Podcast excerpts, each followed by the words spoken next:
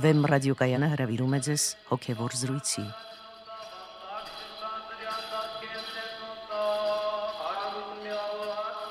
Սիրելի ունկնդիրներ, Վեմ ռադիոկայանի եթերում են արժանապատիվ Տերմեսրոպ Քահանա Արամյանը եւ Մանուկ Երգենյանը։ Այսօր կզրուցենք հարստության մասին։ Օրհնեցեք Տեր հայր։ Աստված օրհնի։ Տեր այլ մարդկային պատմության ընթացքում նյութական հարստությունը եղել է մարդկանց, ազգերի, պատերազմների, խարդավանքների, շողոքորթության, նաև զարգացման եւ բարգավաճման շարժիչ ուժը։ Այսօր մեր երկրում էլ, որը մակարում է աղքատության ճիրաններում, նյութական բարգավաճման խնդիրը հասարակությանը ամենահուզող խնդիրներից է։ Եվ նաև մեր ներանձնական կյանքում նրա տեղը դժվար է թերագնահատել։ Մի պահ եկեք պատկերացնենք, թե օրվա մեջ քանի ժամ ենք մենք մտածում փողի, աշխատավարձի եւ վերջապես հարստանալու մասին։ Որն է հարստության նկատմամբ քրիստոնեության մոտեցումը։ Նախ լսենք, թե ինչ են ասում մարդիկ հարստության մասին։ Մեր թղթակից Մարիաննա Կարապետյանի ռեպորտաժը։ Ասացեք, խնդրեմ, ինչ նշանակություն եք տալիս փողին։ Կուզենայիք լինել շատ հարուստ։ Ցանկալի է լինել հարուստ, բայց որ փող չունես, դի համակերպես իրականության հետ։ Գտնում եք, որ ձեզ համար երջանկությունը փողի մեջ է, այսինքն թե դուք ունենայիք շատ փող, կլինեիք շատ երջանիկ։ Փող չէ, բայց փողի քանակության մեջ երջանկություն տեսնում եմ։ Այո։ Ասացեք, խնդրեմ, ինչ նշանակություն եք տալիս դուք փողին։ Կուզենայիք ունենալ շատ փող։ Կուզենայի ունենալ այնքան, ինչքան որ ինձ պետք է։ Ոչ շատ, ոչ քիչ, էլի։ Բավարար ծախսերին եւ վերջ։ Այսինքն դուք գտնում եք, որ փողի մեջ է երջանկությունը, թե չէ։ Շատ փող ունենալու մեջ չի երջանկությունը։ Չէ, չեմ գտնում։ Ինչ նշանակություն ունի ձեր կյանքում փողը, ինչ տեղ եք տալիս դրան եւ կուզենայիք շատ փող ունենալ։ Իհարկե, Կուզենայիք։ Իսկ ինչու՞։ որովհետև փողի մեջ է ամեն ինչ կախված է փողից։ Այսինքն դուք գտնում եք, որ երջանկության առաջին գրավականը փողն է։ Այո, փողը որ լինի, ամեն դժվարություն կհաղթահարես։ Ասացեք, խնդրեմ, դուք ինչ նշանակություն եք տալիս փողին։ Կուզենայիք ունենալ շատ փող։ Գիտեք, շատ փող ունենալ չի ուզենա, բայց գոնե մինիմալ կարիքները հոգալու համար որոշակի չափականակով գումար կուզենայի ունենալ։ Իսկ փողը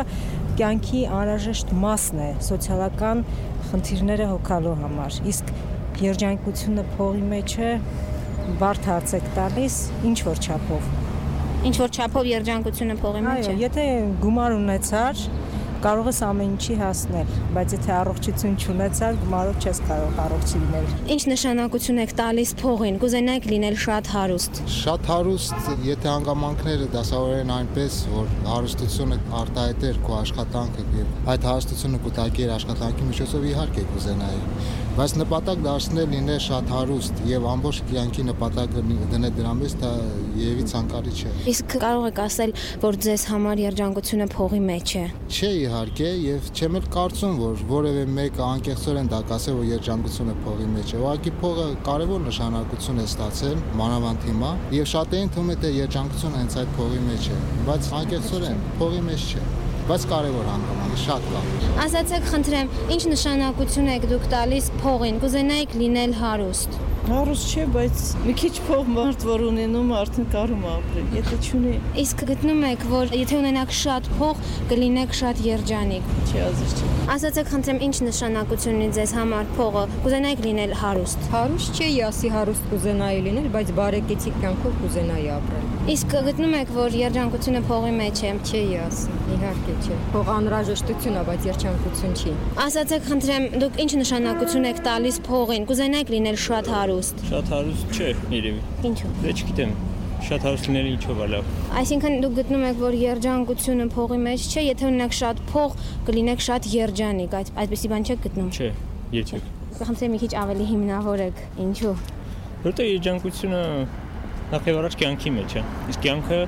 բարձր որ поручер, в Кицарович. Нет, не в деньгах счастье, но иметь необходимое, хотя бы, знаете, корзину, которую вот ежедневно покупаешь, это надо ведь. Но я не считаю, что надо столько денег зарабатывать или столько делать, чтобы много получать. Зачем? Знаете, в Библии написано, что чем меньше вы будете копить на земле богатств, тем лучше. Копите для неба. Там да. дальше будет другая жизнь хорошая.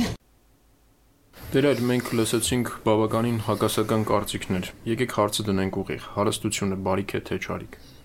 Հարստությունը ըստ եկեղեցու հայրերի ուսուցման եւ այնպես ինչպես որ նկարագրված է Սուրբ գրքում, դա միանշանակ բարիք է։ Մենք կարող ենք դա վերլուծել, որտեղ դա շատ սուրբ գրային թեմա է։ Այդ օրինակները շատ են հատկապես տիրոջ խոսքերում, նոր կտակարանում եւ նաեւ հին կտակարանում։ Չարիքը ծնվում է հարստության ոչ ճիշտ գործածումից, հարստության նկատմամբ սխալ վերաբերմունքից եւ հարստությունը հավասարապես կարող է գայթակղություն դառնալ թե հարուստի համար ունենալով եւ թե աղքատի համար չունենալով բայց այստեղ մինչև այդ նյութական հարստության խնդրին անդրադառնալը մենք պետք է շեշտենք հետեւյալ հանգամանքը, որ հարստություն ասելով Սուրբ Գիրքը երբեք չի սահմանափակվում սոսկ նյութական հարստությամբ։ Այսինքն հարստությունը լինում է նյութական եւ հոգեվոր Եվ միշտ Սուրբ Գիրքը, եթե դրական իմաստներով է գործածում հարստությունը կամ օրինակ է բերում հարստությունը որպես երկնքի արխայության, այսպես մի սիմվոլ, այդ հարուստ ճոխ կյանքի սիմվոլ, հավիտենական կյանքի օրինակ, միշտ օրինակ է բերում զուգակցելով դա, այսինքն նյութականը զուգակցելով հոգևոր արժեքներին, ասելով որ եթե հարստության նկատմամբ չլինի ճիշտ վերաբերմունք, ապա այդ հարստությունը կարող է միանգամայն կործանարար ազդեցություն թողնել մարդկանց վրա։ Հետո բացի դրանից նաև մի շատ པարզ իմաստություն կա, որը միշտ պետք է հիշել, որ կարծեմ այս միտքը արծարծվեց փողոցում կատարված հարցումներում, որ ոչ թե կյանքն է հարստության համար, այլ հարստությունն է կյանքի համար։ Այսինքն հարստությունը, երբ որ դառնում է ինքնանպատակ, այսինքն նյութական բարգավաճումը, երբ որ դառնում է ինքնանպատակ, դա շեղում է մարդուն իր բուն նպատակից։ Եվ իհարկե իմաստությունը նաև ասում է, որ ամեն բան ճիշտ է իր չափի մեջ։ Օրինակ այստեղ խոսք գնաց կենցաղային խնդիրների բավարարելու մասին, որ գոնե այնքան պետք է լինի այդ փողը, որպեսի մարդը կարողանա իր նվազագույն կարիքները բավարարի։ Դա իհարկե կարևոր բան է, բայց նաև շատ կարևոր բան է հասկանալ, թե ինչ է այդ նվազագույն կարիքը։ Օրինակ ասենք նույնիսկ այսօր աշխարհում ժողովուրդներ կան, որ շատ զուսպ են, այդ ժողովուրդները շատ ավելի արագ են աճում իրենց կարիքների մեջ, օրինակ չինացիները Այսինքն ժողովուրդներ կա, որոնց մեջ գրգռված է այդ կարիքի, այսպես ասած, չափազանց զգացողությունը, եւ ինչքան էլ լինի կարող է չբավարարել նրանց։ Այսինքն դա արդեն տանում է վատնումի եւ այլն, այսինքն կարիքի տակ արդեն սկսում է վատնում, արդեն չարաշահում է սկսում։ Դրա համար, որպեսի նաև մարդը հասնի իր ճիշտ չափին եւ կերպին, մարդուն անպայման անհրաժեշտ է հոգեվոր դաստիարակություն։ Մարդուն պետք է դաստիարակել ժուշկալության մեջ, չափավորության մեջ, չափի ճիշտ ճանաչման մեջ դա իմաստություն է արդեն։ Իսկ երբ որ մարդը իմաստուն է, իմաստուն մարդը հարստությունը, ունեցվածքը ինքը ճիշտ ձևով է գործածում։ Ինքը ունի ճիշտ վերաբերմունք նյութական բարիքների նկատմամբ։ Եվ տեսեք մենք ասում ենք նյութական բարիքներ կամ հարստություն։ Այստեղից էլ արդեն այս բառերի մեջ ենթատեքստ կա, որ դա բարի բան է։ Այսինքն աշխարհում շատ կան բարի բաներ, լավ բաներ, բարիքներ զանազան, բայց մարդը ունի ոչ ճիշտ վերաբերմունք դրանց նկատմամբ։ Եվ ինչ որ առումով, օրինակ, հարուստ լինել դա շատ լուրջ առաքելություն է, այնպես ինչպես որ Սուրբ Գիրքն է ներկայացնում։ Այսինքն հարուստը շատ մեծ պարտականություններ ունի, որովհետև համարվում է, որ ինքը պարտք է ստացել Աստծուց, որտեղ Աստված է ի վերջո ամեն մի բարիքի տվողը։ Աստծուց է գալիս ամեն մի բարիք։ Թեպետ հնարավոր է այդ բարիքներին չար կերպով տիրանալ կամ հապշտակել եւ այլն, բայց միևնույն է ոչ մի բան չի կատարվում Աստծո կամքից դուրս եւ պատահականորեն չի կատարվում այդ ամենը։ Նույնիսկ ասենք կարելի օրինակներ բերել, որ երբ որ մեկից հապշտակում են, այդ նրա ունեցվածքը, օրինակ Օգոստինոս Երանելին իր խրատներից մեկում ասում է, որ երբ որ հապշտակում են այդ մարդուն բարիք գործելու համար է դա կատարում, որպեսզի ինքը հասկանա, որ դրա մեջ չէր իր կյանքի իմաստը եւ ինքը վերագնահատի կյանքի նկատմամբ իր վերաբերմունքը։ Դա մենք տեսնում ենք նաեւ հոբ Երանելու օրինակի մեջ։ Ուրեմն ի վերջո յուրաքանչյուր մարդ պետք է հասկանա, որ ինչ որ որ ինքը այս պահին ունի, դա Աստծուց է, չէ՞ որ ինքը կարող է մի վարքյանում աղքատանալ։ Մի վարքյանում ամեն բան այս աշխարհում կարող է պատահել։ Ասենք փողդ պահում ես ինչ որ մի բանկում, այդ բանկը կարող է փակվել։ Ինչ որ գործ ես անում, այդ գործը կարող է լիակատար կերպով ձախողվել։ Կարող է պատերազմ սկսել։ Ցանկացած պահի դու կարող ես քո հարստությունը ուղղակիորեն կորցնել։ Ուրեմն նշանակում է, որ այդ հարստությունը պահողը Այսինքն, որ դա քոնն է այդ պահին, դու չես, դրա Տերը Աստված է, եւ դու պետք է ունենաս ճիշտ վերաբերմունք դրա համար։ Այդ հարստությունը պետք է գործածես որպես միջոց երկնավոր բարիքներին հասնելու համար։ Ըստ էության դա է ասում Պողոս Արաքյալը Տիմոթեոսին ուղված առաջին թղթում ես կարդամ այդ հատվածը։ Այս աշխարհի հարուստներին պատվիրիր, որ չհպարտանան եւ չապավինեն սնոտի հարստությանը, այլ Աստծուն, որ մեզ առատապես ամեն ինչ տալիս է վայելելու համար։ Պատվիրիր բարիք գործել, բարի գործերով հարստանալ, լինել առատաձեռն, բարեսեր, իրենց ունեցածից բաժին հանել, իրենց համար բարի հիմք դնելով հանդերձյալում, որպեսի ձեռք բերեն ճշմարիտ կյանքը։ Ուրեմն այստեղ հարստությունը դառնում է ճշմարիտ կյանքը ձեռք բերելու մի միջոց, մի ճանապարհ։ Եվ ըստ էության նույն բանն է ասում Սողոմոն իմաստունը առակած գրքում, որ մարդու կյանքի փրկագինը իր հարստության մեջ է։ Այսինքն հարստությունը ըստ էության փրկանք է, փրկագին է, որը դու տալիս ես հավիտենական կյանք ձեռք բերելու համար։ Եվ այստեղից էլ մենք գալիս ենք արդեն հարստության արդեն ճիշտ քրիստոնեական ըմբռնմանը։ Իհարկե,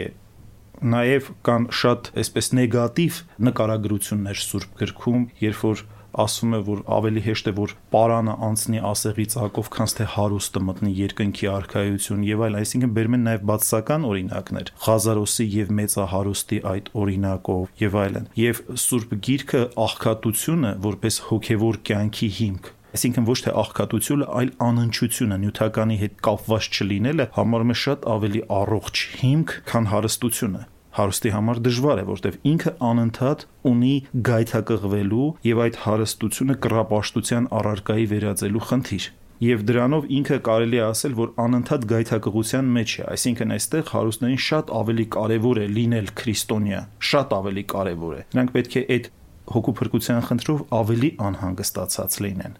եւ իհարկե ասենք եկեղեցու հայրերը անընչությունը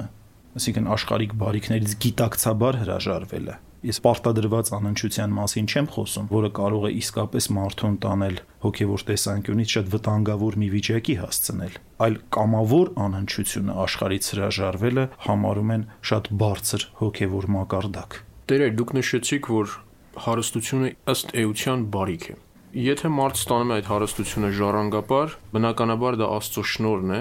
եւ ըստ ձեր նկարագրածի ճիշտ օգտագործելու դեպքում դա իսկապես օրհնության աղբյուր է դառնում։ Բայց պատկերացնեք հետեւյալ պարագան։ Եթե հարստությունը բարիք է, եւ ես օրն ի բուն աշխատում եմ այդ հարստությունը ձեռք բերելու համար, չէ՞ որ ըստ էության դա բարիք է։ Արդյոք սխալ է այդպիսի մոտեցումը։ Արդյոք հարստության ձգտումը կամ հարստանալու ձգտումը հակաքրիստոնեական է ինչ որ առումով հարստության ինքնանպատակ ձգտումը հակաքրիստոնեական է որովհետև գիտեք միշտ մարդը երբ որ ձգտում է հարստության ինքը դնում է որոշակի նպատակներ իր առաջ որ ինքը էսպես պիտի գործածեր կամ էսպես պիտի աներ չկա մարդ որը չի փորձում ներքնապես արթարանալ կամ արթարանալու ուղիներ փնտրել այդ հարստության գործածման համար շատ տխուր բան է ասենք շատ փող ունենալը այսինքն ուղակի երբ որ դու քո նպատակը դարձնում ես այդքան տրիվիալ եւ տափակ այսինքն շատ փող ունենալ ոչ ոք չի կարող այդպիսի նպատակ դնել շատ փող ունենալ բարիք գործելու համար։ Այո, այսինքն միշտ կա ենթատեքստ,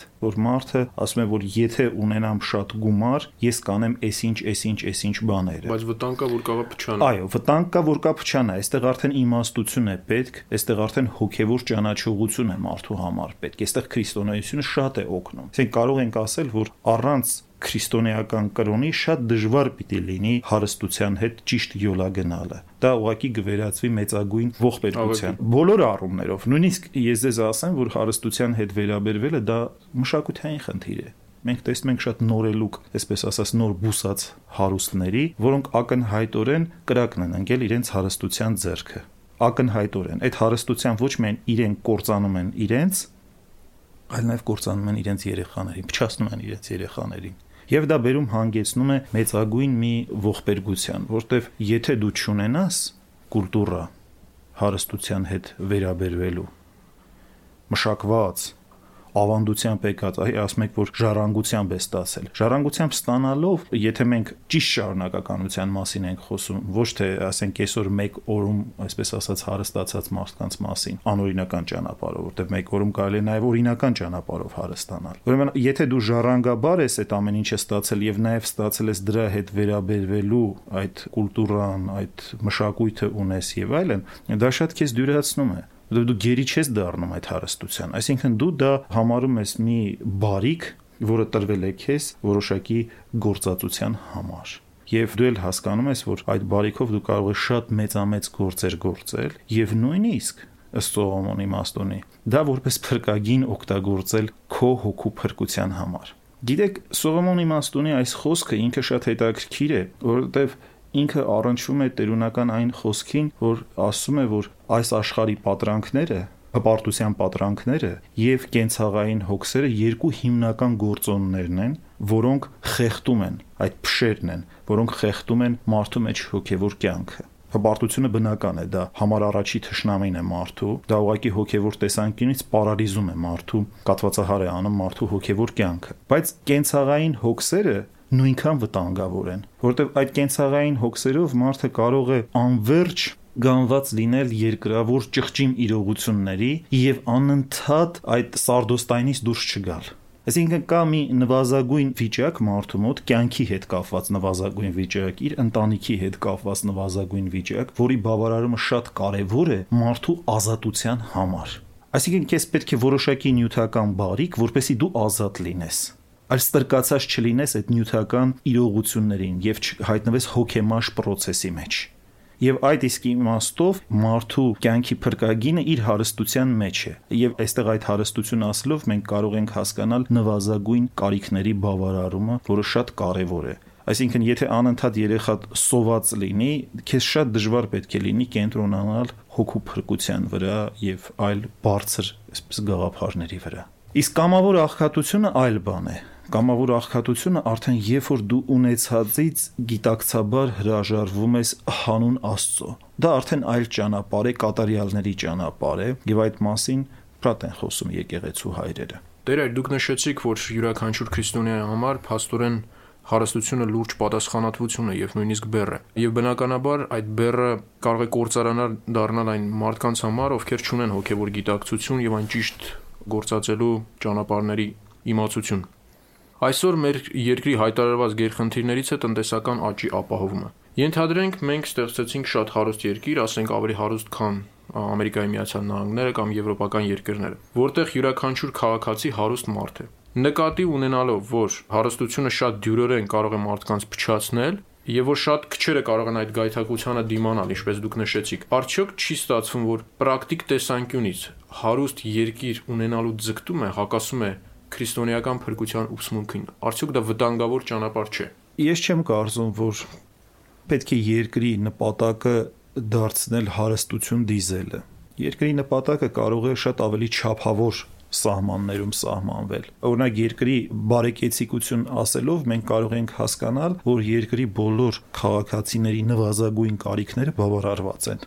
Այդպիսի իրավիճակը կարող է բավականին նպաստավոր լինել նաև հոգևոր տեսանկյունից։ Թեպետ նեղություններն էլ մարդու համար երբեմն օգտակար են։ Շատ վատ է, որ մարդը անընդհատ բավարարված վիճակում է։ Երբեմն մարդուն պետք է նեղություններ, այլապես մարդկային կյանքը կարող է սխալ հունով ընթանալ, ասենք օրինակ առանց ցավերի մարդկային օրգանիզմը կարող է դիմադրողականությունը կորցնել եւ այնպես էլ առանց նեղությունների մարդը կարող է զգոնությունը կորցնել բայց ինչ որ ժամանակի ընթացքում գոնե մարդը կարողանա հասնել այն նվազագույն կենցաղային կարիքների բավարարմանը որոնց չլինելու պարագայում ինքը կարող էր հոգեվոր տեսանկյունից բավականին անելանելի իրավիճակում հայտնվել Դեր թույլ տվեք միջամտելու բայց այստեղ երբ որ խոսվում է արևմտյան հասարակությունների մասին այստեղ խոսքը գնում է ավելի շատ այսօր այսպես կոչվող սպարման հասարակությունների մասին որտեղ շատ կարիքներ ուղակի արեստացին են, ստեղծվում են գովազդի միջոցով։ Հիմա փաստորեն նպատակը դա է, եթե մոդելը դա է։ Ի վերջո շատ մեծ հարստության կൂട്ടակումը բերելու է դրան։ Դա անխուսափելի է։ Դրա համար ես գործածեցի չափի մեջ։ Այսինքն չափի մեջ ասելով ես նկատի ունեմ, որ բարի է խորհելը ազգային հարստության մասին։ Որ դու ուզում ես քո ազգը ուժեղ լինի, որ դու ուզում ես բավականաչափ գումար լինի հատկացված կրթության համար, որ դու ուզում ես բավականաչափ գումար լինի որբերին խնամելու համար, աղքատներին խնամելու համար, որ դու ուզում ես ազգովի քո իսկ աշխատած գումարով բարիք գործես եւ ոչ թե անընդհատ գնաս ուրիշներից մուրաս ու պարտք անես։ Այսինքն սա ինչ որ առումով առաքինություն է, երբ որ դու ուզում ես ազգային հարստության որոշակի նպատակի հասնել եւ հոգեվոր տեսանկյունից էլ կարեւոր է։ Սա հանրօգուտ շահի ճիշտ ինքնագիտակցում է Եվ կարող եմ ասել, որ հայրենասիրության շատ բարձր դրսևորում է, եթե մենք կարողանանք ազգովի իսկապես նպատակասլաց կերպով այս նպատակին ծառայել։ Ոչ թե հարստություն ասելով միմիայն հասկանանք մեր անձնական շահը, որովհետև խնդիրներ կան, որ միայն մեծ են լուծվում։ Այդ խնդիրները փոքր անհատական մակարդակի վրա չեն լուծվում։ Ազգային խնդիրները հնարավոր չի անհատական պլանի վրա լուծել։ Այսինքն այդտեղ պետք են համազգային մոտեցումներ։ Հիմա համազգային տեսանկյունից մենք այսօր աղքատ ազգ ենք մուրաց կանենք մենք այսօրվա դրությամբ իրականության մեջ ինչպես փողոցում մենք տեսնում ենք մի հատ մուրաց կան այսպես ձերքը parzaц փող է խնդրում այդպես էլ մենք ազգովի անընդհատ այստեղ այնտեղ ձերք ենք parzel աշխարհի խաչմերուկներում փող ենք խնդրում Իհարկե շատ նվաստացուցիչ է դա եւ ցանկալի չէ որ ազգը հայտնված լինի աշխարհի հնագույն քաղաքակրթություն ունեցող ժողովուրդներից մեկը այսօր Եվրոպայի կամ Ամերիկաների փողոցներում ողորմություն խնդրի։ Ես շատ կոպիտ եմ այս բառը օգտագործում, բայց դա ճիշտ պատկերն է այսօրվա մեր իրավիճակի։ Եվ ամոթ է եւ մենք պետք է կարողանանք ազգովի հաղթահարել։ Նամանավանդ, որ մենք ունենք բոլոր նախադրյալները։ Այսինքն ինտելեկտուալ, պոտենցիալը շատ մեծ է այս ժողովրդի, աշխատասիրություն եւ այլն։ Ունենք լուրջ նախադրյալներ։ Մենք տեսնում ենք ինչպես մեր ժողովրդի զավակները բարգավաճում են ուրիշ ժողովուրդների մեջ շատ արագ, տեղացիներից անհամեմատ ավելի արագ Բայց ինչու մենք դա չենք կարողանում անել մեր երկրում, մեր երկրի հարստացման համար, ինչի մենք անընդհատ պետք է ուրիշների երկրները հարստացնենք եւ ոչ թե մեր երկիրը։ Որ նշանակում է, որ մենք ունենք ինչ-որ մի հատ սիստեմատիկ սխալ, որը մենք պետք է ուղղենք եւ ի վերջո ձեռք բերենք այդ ազգային արժանապատվությունը։ Սա արժանապատիվ վիճակ չէ։ Այսինքն այս առումով խորհելը ազգային բարօրության եւ ազգային հարստության համար բարիք է որովհետև մենք դրանով կարողանալու ենք շատ բարի գործեր կատարել եւ ինքներս կատարել մեր իսկ վաստակածով եւ ոչ թե ուրիշի տված պարտքերով բայց չափի մեջ եւ երբեք ինչպես դուք արդեն ինձ հուշեցիք կոպիա չանելով այն տխուր իրողությունները չպատճենահանելով այն տխուր երևույթները որ այսօր կան արևմուտքում այդ սպառողական հասարակության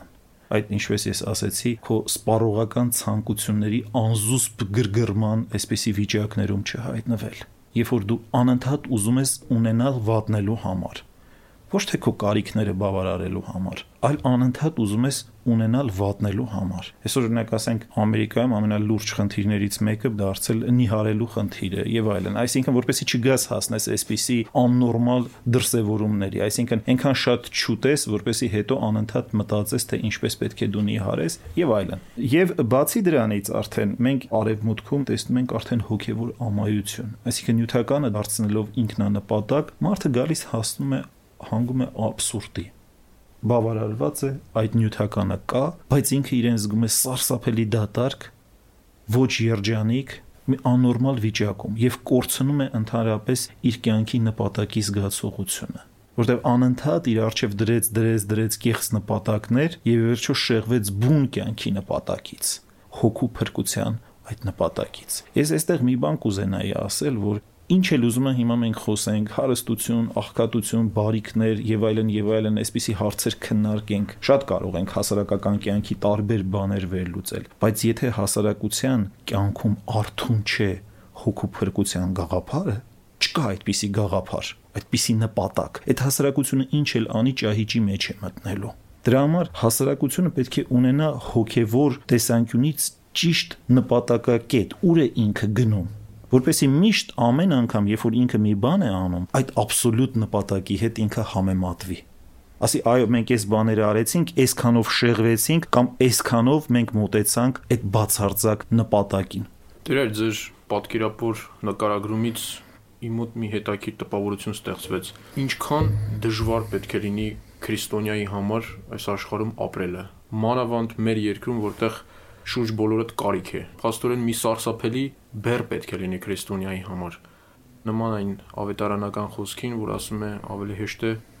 ուխտին ասեղի ծակով անցնել, քան հարուստին երկինքի արքայություն։ Այսինքն ստացվում է, որ դա քրիստոնեական մեծագույն առաքինություններից մեկն է եւ ամենադժվար խաչերից մեկը։ Այո, դա կարող ենք ասել, որ այսօրվա կյանքում կարող է հիմնական, ուրեմն խոչընդոտող գործոններից մեկը հանդիսանալ հարստության նկատմամբ երկակի սխալ վերաբերմունքը մեր հասարակության մեջ։ Որն է դա։ Ես արդեն ասացի, որ մեկը այն է, որ հարուստները չգիտեն ինչպես գործածել, այսինքն իրենք գերի են ընկել իրենց ունեցածի ձեռքը։ Մյուս կողմից էլ աղքատները, որոնք ճունեն այդ հարստությունը, գերի են ընկել իրենց ճունեցածի ձեռքը։ Այսինքն, եթե ճունես, քեզ մատուցում է լոտո, որպեսի դու, այսպես ասած, մի անգամից ունենաս եւ մարդու մոտ, գիտեք, գրգռվում է մի վիճակ, կայծակնային հարստության հասնելու այսպիսի մի հոգեբանություն է ստեղծվում, որ շատ վտանգավոր է այդ մարդու համար։ Այսինքն ինքը կարծում է, որ այդ հարստությունը ընդհանրապես հենց այդպես էլ տրվում է։ Այսինքն ոչ մի բան չես անում, քնում ես, վեր ես կենում, մեկ էլ տեսնում ես, որ դու հարուստ ես։ Ոչ դրա համար աշխատանք է պետք, ոչ դրա համար տառապանք է պետք, ոչ դրա համար չարչարանք է պետք եւ այլն։ Եվ հետո բացի դրանից նաեւ ամեն մարդու մեջ ստեղծվում է այնպիսի կեղծ մի կարծիք իր մասին, որ ինքը կարող է հարուստ լինել Գիտեք, այսպիսի մի իմաստություն կա, որ ասում է, եթե ուզում ես իմանալ մարդը ով է, այդ մարդու բուն էությունը ինչ է, իրեն դուր իշխանություն եւ փող։ Պարզվում է, որ մարդկանց մեծ մասը ստանալով այդ իշխանությունը եւ փողը անարժանաբար ստանալով։ Ուղղակի այլակերպվում են։ Ուղղակի այլակերպվում են այդ խոնար մարդը, որ շատ արտակուստ խոնար, այսպես համեստ, ինտելիգենտ մարդ էր, դառնում է մի սարսափելի հրեշավոր անznավորություն որ բոլորի նկատմամբ շատ, այսպես ասած, բարեհամբույր էր եւ համեստ էր իրեն պահում, կարող է ուղակի իր եղբայրների կեղեքիչ դառնալ։ Շատ են այդպիսի դեպքերը եւ մեր անկախության ողջ վաղ անցյալում եւ հիմա էլ մենք տեսնում ենք այդ երևույթները փողը կործանարար ազդեցություն է թողնում մարդու վրա, իշխանությունը, որտեղ ամեն մարդ չէ, որ ինքը պետք է հարուստ լինի եւ ամեն մարդ չէ, որ պետք է իշխանություն ունենա։ Դա շատ լուրջ դաստիարակություն է պահանջում։ Ես կարող եմ ասել, որ դա նաեւ երկարատև մշակութային զարգացման process է։ Մենք հարյուրավոր տարիներ այդ ինստիտուտները կորցրած ենք եղել։ Հարյուրավոր տարիներ, հատկապես կառավարման այդ ինստիտուտները թե ինչպես պետք է կառավարես քո ժողովրդին, ինչպես պետք է արդար դատ անես եւ այլն։ Վաղուց ի վեր կորցրել ենք։ Եվ հենց որ ընկնում ենք այդ ոլորտը, փչացնում ենք ամեն բան, չենք կարողանում։ Նույնիսկ այն աստիճանի, որ սկսում ենք մենք ինքներս մեզանից հուսահատվել մենք գնանք մեկ ուրիշին բերենք, թող ինքը մեզ կառավարի, մենք չենք կարողանում մեզ կառավարել։ Որովհետև իրականության մեջ այդտեղ իմաստություն կա։ Քավլիցի ոչ ոք չմտածի, որ ես ինչ որ մեր անկախության դեմ բան եմ քարոզում, բայց այդտեղ իմաստություն կա, որովհետև այդ իշխանության նկատմամբ վերաբերմունքը, հարստության նկատմամբ վերաբերմունքը ճիշտ երկարատև զարգացման, մշակութային, հոգևոր զարգացման արդյունք է այդ ճիշտ վերաբերմունքը այլապես դու կարող ես փչացնել ամեն բան դրա համար մենք հիմա հայտնվել ենք անկախ աղքատ, այսպես մի իրավիճակում, հոգևոր արժեքներից կտրված իրավիճակում, այսինքն երկակի աղքատության վիճակում ենք մենք հայտնվել, հոգևոր եւ մարմնավոր, եւ ուզում ենք ճիշտ լուծման բանալի գտնել։ Եվ այս ճիշտ լուծման բանալի գտնելու այս փնտրտուքի մեջ մենք նորից սխալ շեշտադրումներ ենք անում։ Ասում ենք ճիշտ լուծումը հարստությունն է մոռանալով, որ եթե մենք հստակորեն մեր հոգևոր գիտակցության մեջ չֆիքսենք, թե հարստությունը ինչ է եւ առանց հոգևոր հարստության արդյոք կարելի է մարմնավոր հարստությունը ճիշտ գործել, մենք միևնույն է սխալ ճանապարհով ենք ընթանալու։ Ուրեմն այս հարցերի վրա պետք է անպայման ուշադիր լինել եւ այո, այս հարցերը շատ դժվարացնում են մարդու հոգու փրկության խնդիրը։ Շնորհակալություն Տեր հայր։ Թույլ տվեք սրանով եզրափակել մեր այսօրվա զրույցը հարստության մասին։ Օրհնեցեք Տեր հայր։ Աստված օրհնի։